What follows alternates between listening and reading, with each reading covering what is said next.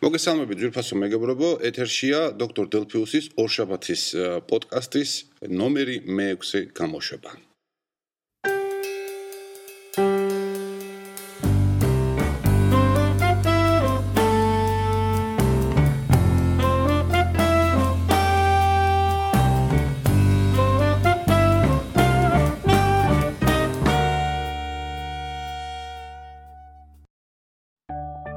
მაშ ასე.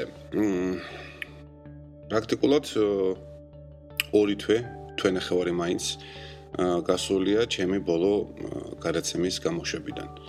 დღეს არის რიგით მე-6-ე, მაგრამ რეალურად პოდკასტის აღდგენიდან პირველი გამოშვება. ნუ ჩვენ არ დავარღვევთ, უშუალოდ მე არ დავარღვევ აა ნუმერაციას და მე 6 ნომრად გაუშვებთ გაუშვებ ამ პოდკასტს. აი ეს რაღაც საკუთარ თავზე მრავლობიჩი სობორი მე მგონი არ არის მაინც და მაინც კარგის ნიშანი. აა პირველ რიგში ალბათ იმასთან დაკავშირებით თუ რატო მოხდა ამდენი ხნით პოდკასტის გათიშვა რა იყო ამის მიზეზი. მიზეზი იყო მიზეზები ბევრია ზოგადად ადამიანის ცხოვრებაში რის გამოც მას არ უნდა რაღაცის კეთება. არ არის არ აქვს გუნება განწყობილება ამისთვის, მაგრამ ამ შემთხვევაში იყო ორი ძირითადი მიზეზი. ერთი ძალიან ძალიან ხანგრძლივი დროის განმავლობაში მოძდებდა ჩემს ბლოგს და ეხლა აგიხსნით რაშია საქმე.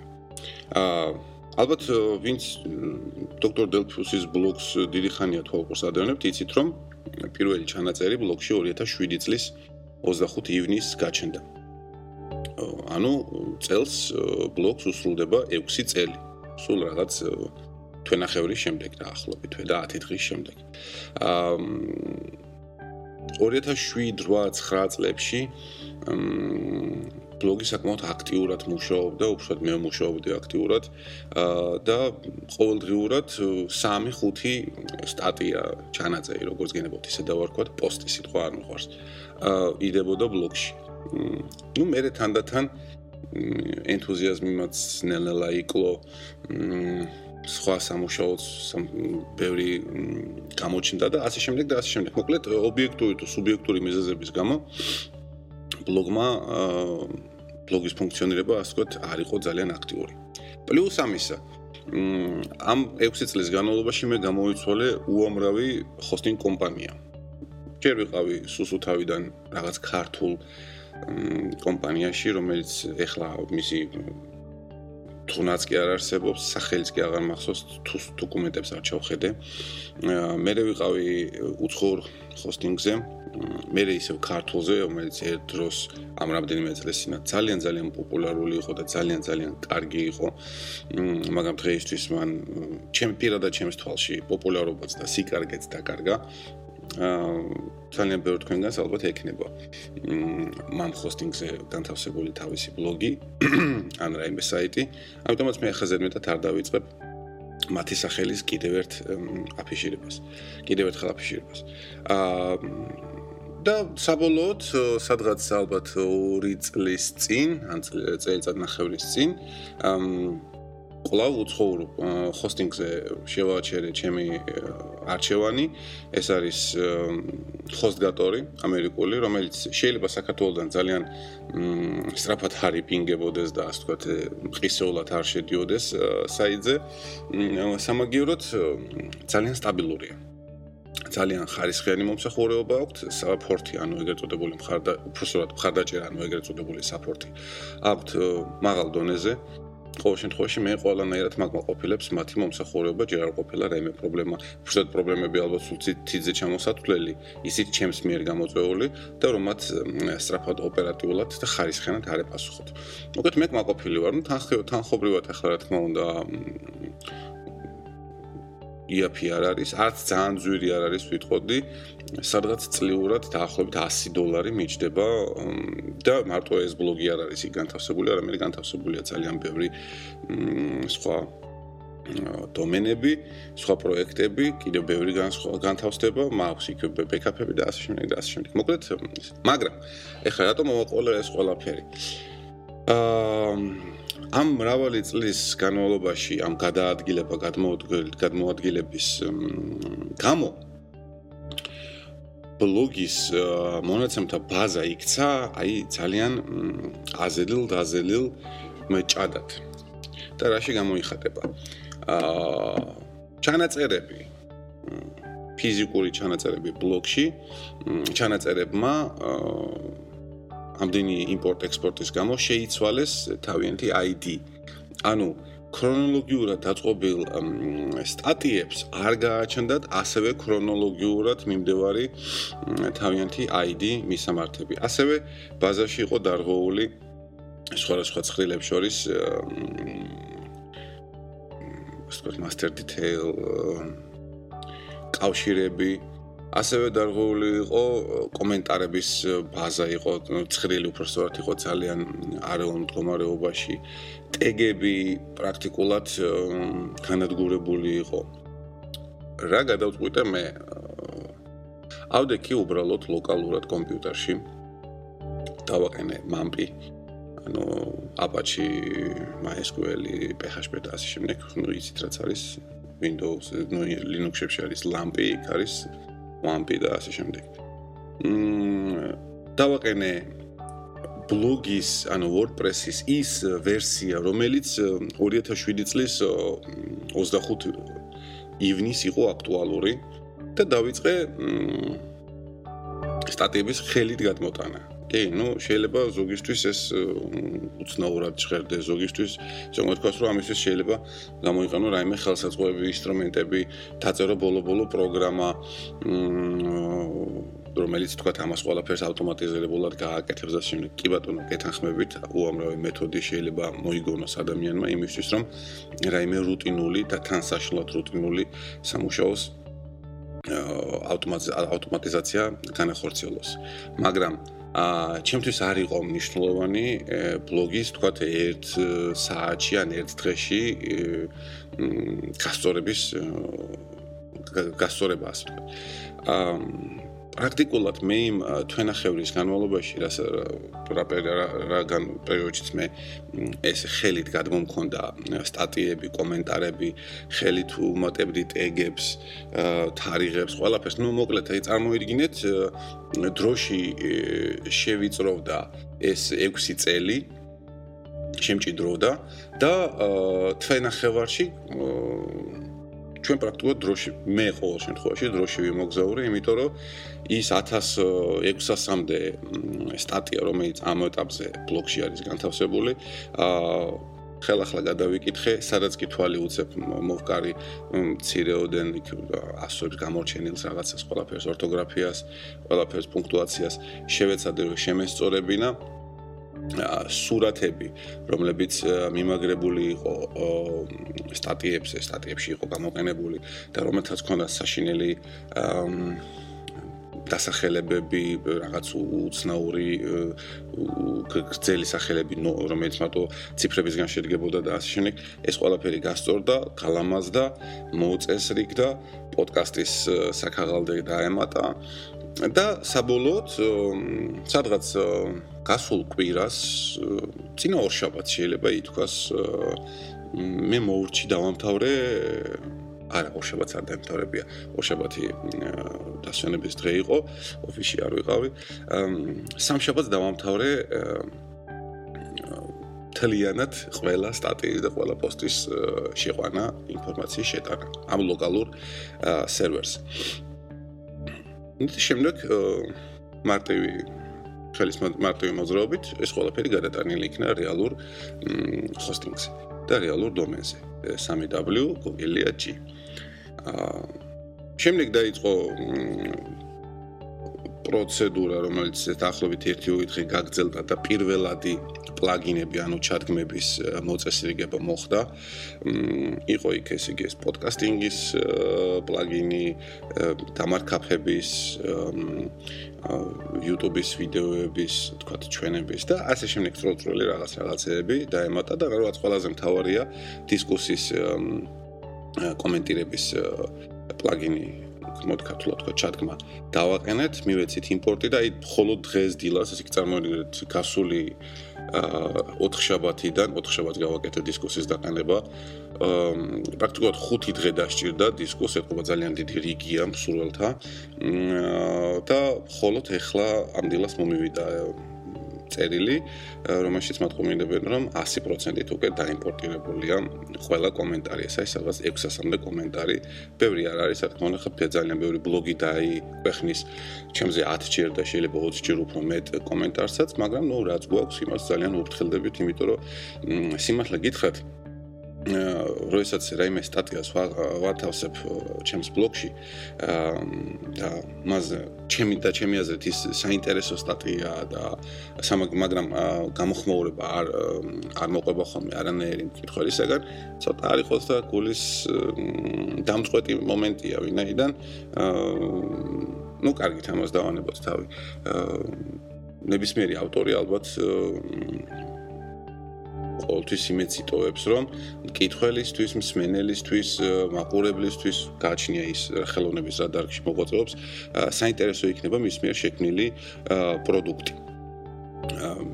ასე რომ თუ თქვენ დაგამოგეწონებათ, თუ თქვენ არ მოგეწონებათ და აი ალბათ გახსოვთ ამ პოდკასტის მეორე გამოშვებაზე ერთ-ერთმა მსმენელმა საკმაოდ ისეთი ყვახეთ ყვახე კომენტარი დაწერა და მეჭუბა ასე ვთქვათ რაღაც რაღაც მომენტების გამო. ნებისმიერი და ყველანაირი ყველანაირი კომენტარი მისაღებია თუ რა თქმა უნდა ეს პიროვნების შეურაცხყოფას არ ეხება. და ყველანაირი კომენტარი გამოქვეყნდება ბლოგში ყოველგვარი ცენზურის გარეშე. კიდევ ერთხელ თუ ეს რა თქმა უნდა რაიმე უსმაწურობას არ შეიცავს მოკლედ ეს ერთი მიზეზი, რის გამოც ბლოგი ამ თვენახევრის განმავლობაში იყო გაჩერებული. სხვა შორის ანალოგიური გაკეთება მე მინდოდა ჯერ კიდევ შაშან შაშან იანვარში, თებერვალში, მაგრამ სამწუხაროდ ვერ მოახერხე რიგი მიზეზების გამო უშუალოდ დავიწყე და ვეღარ დავასრულე. აქ ისიც უნდა ითქვას, ალბათ წეგან დააკვირდებოდით, რომ თქვი რომ როდესაც ვიწყებდი ამ იმპორტს 2007 წლის 25 ივნის რა ვერსიაც იყო აქტუალური, ის დავაყენე და შესაბამისად მე მივყვებოდი უბრალოდ WordPress-ის საიტიდან ამოწერილი მქონდა ცალკე ფურცელზე თარიღები თუ როდის რომელი ვერსია გამოვიდა, გადმოწერილი მქონდა ეს ყველა ვერსია, საინსტალაციოები. და შესაბამისად რო დადგებოდა ის თარიღი, ვეტდი ინფორმაციის შეყვანას ვაინსტალირებდი ახალ ვერსიას WordPress-ისას, შესაბამისად ის განაახლებდა მონაცემთა ბაზას, ცხილებს გადაახალისებდა. მოკლედ, მე ყველაფერი, აი როგორც გითხარით, იმ ამ თვენახევრის განმავლობაში ჩვენ გავიარეთ ეს 6 პრაქტიკულად თითქმის 6 წელიწადი, რაც ბლოგი არსებობს. და აი ახლა მე შემეძლია ვთქვა რომ კმაყოფილი ვარ, რამდენადაც შეიძლება ადამიანი იყოს კმაყოფილი, რაიმე თავისი ნამუშევრით, ვინაიდან ჩემი აზრით ტექნიკური თვალსაზრისით მონაცემთა ბაზის თვალსაზრისით ბლოგს წუნი არ დაედება. ახლა რაც ყველაზე უფრო მთავარია თქვა შიქთავსის თვალსაზრისით შევეცდები რომ არ მოგაკლოთ საინტერესო ინფორმაცია. და ამიტომაც გასულ კვირას ახლა პირველი პირველი სატესტო სტატია იყო მე ცირეოდენი სტატია დავწერე აი ამასთან დაკავშირებით თუ რა ხდებოდა როგორანაირად და მე შაბათს გამოვაქვეყნე ჩემი აზრით ძალიან საინტერესო საწყისი, ასე პირველი სტატია ციკლიდან Star Trek-ის შესახებ, ვინაიდან Star Trek-ი არის ჩემთვის უსაყვარლესი სერიალი, უსაყვარლესი სამყარო, რომელიც რომელიც რომელიც ყურება მე შემიძლია აურაცხელი საათების განმავლობაში გუშინად სახში კვირას ბევრი არაფერი საქმე არ ქონდა და ამიტომაც აა დღის განმავლობაში რამდენიმე ფილმს უყურე Star Trek-ისას, ანუ ის არა მარტო სერიალი, არამედ ანიმაციური სერიალიც არის და მხატვრული 12 მხატვრული ფილმი სრულმეტრაჟიანიც არის გადაღებული. ეხლა ვინაიდან სერიალები ცოტა მაინც ისეთი თემაა, რომ იქ ჩაჯდომა და შედება და ფილმი კიდე ზღურულია, იწყება და მთავრდება რაღაცა სიუჟეტით. ამიტომაც გუშინ ფილმის ყურებით, ფილმების, უბრალოდ რამდენიმე ფილმის ყურებით შემოვიფარგლე. დიდი სიამოვნება მივიღე, იმიტომ რომ უკვე 2 წელი არ მინახია კონკრეტულად ეს ფილმები და აა მაყოფილი დავჭი, რო იტყვიან. აა მეორე კიდე ერთი მიზეზიც არსებობს ბლოგის ფუნქციონირების შეჩერებისა და ზოგადად ჩემ ცხოვრებაში რაღაც რაღაც არასასიამოვნო სიტუაციები არასასიამოვნოსაც კი არა, უფრო მეტიც შეიძლება ითქვას კატასტროფული მომენტები მოხდა. ოჯახური კონფლიქტები რო ხქვიათ დაახლოებით, ალბათ ხვდებით რაზეც არის საუბარი. რის გამოც მე მეუღლესთან მაქვს საკმაოდ ისეთი გაურკვეველი ვითარება. აა თვის ბოლოსთვის ალბათ საბოლოო ჯამში გაირკვევა ყველაფერი. აა გაირკვევა ის თუ როგორ და რანაირად განვაგზობთ ჩვენ ჩვენს ცხოვრებას ერთად თუ ცალ-ცალკე. აა ამაზე რა თქმა უნდა მე შემდგომ გადაცემებში მოგიყვებით და გეტყვით. აა რაც შეეხება თვითონ სხვა ფაქტებს, რაც ამ თვენახევრის განმავლობაში მოხდა, მოხდა კიდევ ერთი არასასიამოვნო ის, რომ ჩვენი ყოველკვირეული გადაცემა, რომელიც მე დავით მაჭახელიძეს, მირიან ქორიძეს და ნიკი აბაიშვილს ერთად მიყვოდა რადიო ბიტ-ფემის ეთერში ყოველ კვირას საღამოს 8 საათზე. ამ გადაცემამ არსებობა შეწყვიტა სამწუხაროდ. აა რიგი მიზეზების გამო და სამწუხაროდ ის იმავე სტილში, იმავე ეთერში ის აღარასოდეს აღარ იქნება, რაც ჩვენთვის ყოველთვის გულის დამწყვეტია ფრიად. სამაგიეროდ ჩვენ ასე ვთქვათ, გულხალ დაკრეფილები არ ვისხედით მთელი ამ პერიოდის განმავლობაში, ჩვენ ახლა ვამზადებთ ახალ პროექტს, რომელზეც თუ როგორ რანაირად სად შეგეძლებათ მისი მოსმენა ან ყურება კიდეც და ასე შემდეგ უფრო დეტალური ინფორმაცია შემდეგ გადაცემებში მოგაწვით მოგაწვით ასევე მე რა თქმა უნდა მისამართებს თქვათ იმ ინტერნეტ გვერდისა ან ეთერისა ან ასე შემდეგ და ასე შემდეგ სადაც შესაძლებლობა გექნებათ ძალიან საინტერესო ტექნოლოგიური გადაცემა მოისმინოთ ან უყუროთ ხოლმე. ესეთ პრაქტიკულად ძალიან ძალიან დიდი ტიზერი გამომივიდა, მაგრამ მაგრამ არა უშავს. ტიზერი კი არა სპოილერი უფრო სწორად. აა მაგრამ არა უშავს. პრინციპში ესე ცოტა გავახუროთ, გავაცხელოთ სიტუაცია იმისთვის, რომ სმენელი მოემზადოს ძალიან გემრიელი და კარგი გადაცემის საყურებლად მოსასმენად და ასე შემდეგ. ვინაიდან ჩვენ ძალიან სერიოზულად ვფიქრობთ, რომ ამ საკითხს მიუძღვნათ ჩვენი თავისუფალი დროის საკმაოდ დიდი ნაწილი. აა მე ხა დღეს აღარ ჩამოვთვლი თქვათ იმ ტექნოლოგიურ სიახლეებს ან რაღაცეებს რაც ამ თვენახევრის განმავლობაში მოხდა. ერთადერთს ვიტყვი რომ ჩემთვის რაც ყველაზე უფრო საინტერესოა 10 ივნის დაგეგმილია Apple-ის მორიგი კონფერენცია დეველოპერებისათვის WWDC 2013, რომელზეც რა თქმა უნდა, რომლის ბილეთების გაყიდვისას კლავაც და რეკორდი დამყარდა, გაიყიდა სულ რაღაც 2-3 წუთში 5000 ბილეთი. ოდესმე იმედია, მე ეს ადრეც სხვა გადაცემებშიც მithქვია, მithქვამს და ჩემს ბლოგშიც დამიწერია, რომ ოდესმე რა თქმა უნდა ავისრულებ ოცნებას და მოხვდები ამ კონფერენციაზე ყოველ მიზეს გარეშე. აა ამიტომაც რას მოვაყოლე ეს ამბავი რომ 10 ივნის ჩვენ აუცილებლად შევიკრიბებით და აღვადგენთ იმ მივიწყებულ ტრადიციას რაც ჯემოქში საქართველოს მაკის მოხორებელთა ჯგუფში ჩვენ გქონდა 2011 წლის ჩათვლით და უბრალოდ ყოველ სერიოზულ ღონისძიებაზე ჩვენ ვიკრიბებოდით ხოლმე. რომელიმე ბარში, კაფეში, სადაც აუცილებლად Wi-Fi უნდა იყოს და ჩვენ ჩვენი ნოუთბუქებით, iPad-ებით, ნუ როცა iPad-ები არ იყო, ნოუთბუქები ძირითადში, ხდებოდით და ვიწყებდით აი ამ ღონისძიების ერთად ყურებას. ძირითადში ღონისძიება თვითონ Apple-ი არაკეთებდა ხოლმე ტრანსლაციას, არამედ მიწვეული ჟურნალისტები თავთავიანთი კომპიუტერებიდან ტექსტურ ტრანსლაციას ახდენენ ხოლმე. ანუ თქვა ისინი თავიანთ ბლოგებში, თავიანთ ტვიტერებში და ასე შემდეგ წერდნენ აა თუ რა ხდებოდა სცენაზე, იღებდნენ ფოტოებს, ამასაც დებდნენ. აა ძალიან ბევრი ახალბედოსის ეს ძალიან უცნაური საყურებელი იყო, რომ ერთხელ მაგალითად დაემთხვა აა ფეხბურთში მსოფლიო ჩემპიონატი, აა აღარ მახსოვს რომელი წელი იყო იმიტომ ფეხბურთს მე პრაქტიკულად ფეხბურთი არც არც არ მიყურებია.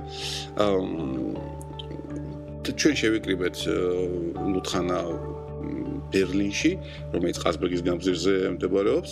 შედვართ ჩვენს მაგიდასთან გვიდგას ეს ნოუთბუქები, რაღაცა და გააფთრებული ერთმანეთს რაღაცებს უყვებით, გვიხარი ეგ როგორც კი რაღაც ახალი სტიმაში ჯერ კიდე სტივ ჯობსი ცოცხალი იყო და ის რაღაც ახალ პროდუქტს გვიჩენებს და იქით გვერდით მაგიდებზე, მაგიდებთან შედან ესეთი კაი ღიპიანი ბიზები, კაი ბლომად ხორციანი ესეთი გემრიელი რაღაცეები უწყვიათ, ლუდის დიდი კათხები უდგათ და კედლებზე კიდე ჩამოკიდებულია დიდი ტელევიზორები და ამ ტელევიზორებში უყურებენ ფეხბურთის ჩემპიონატს.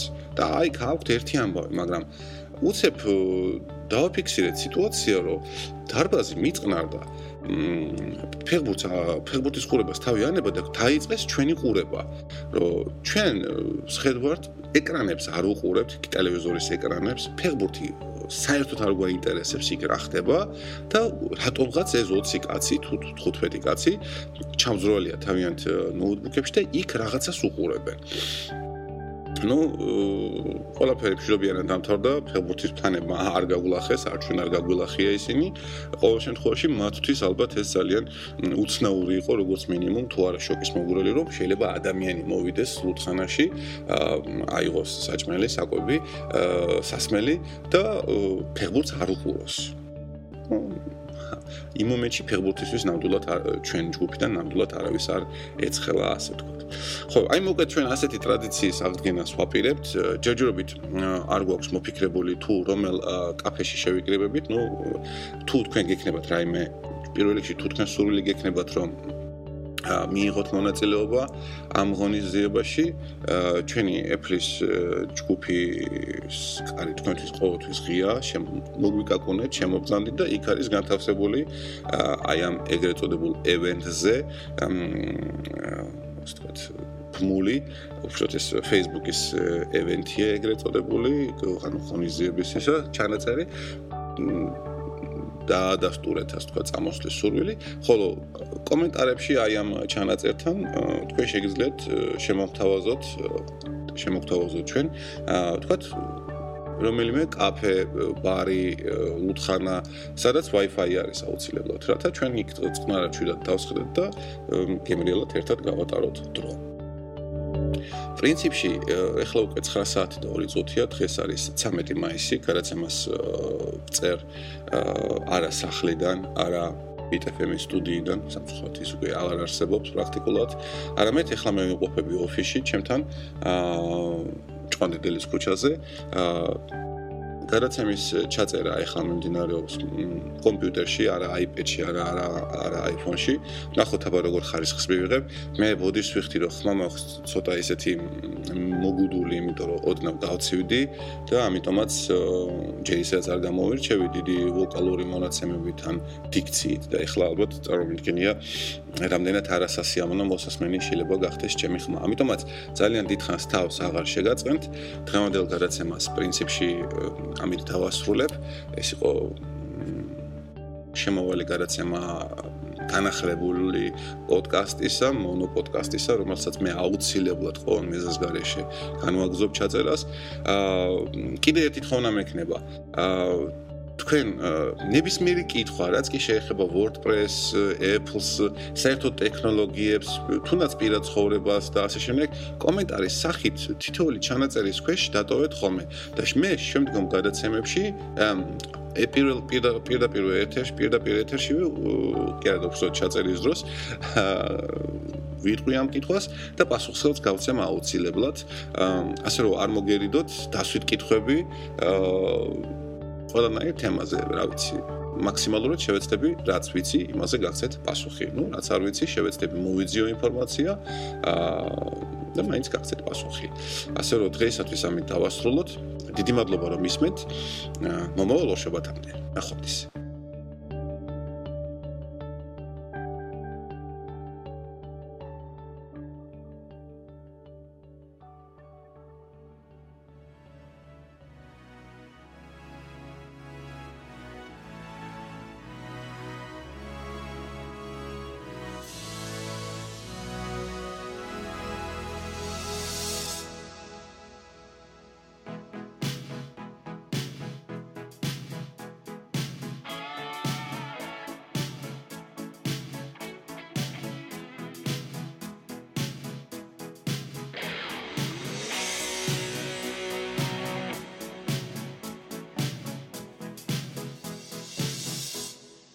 one, two.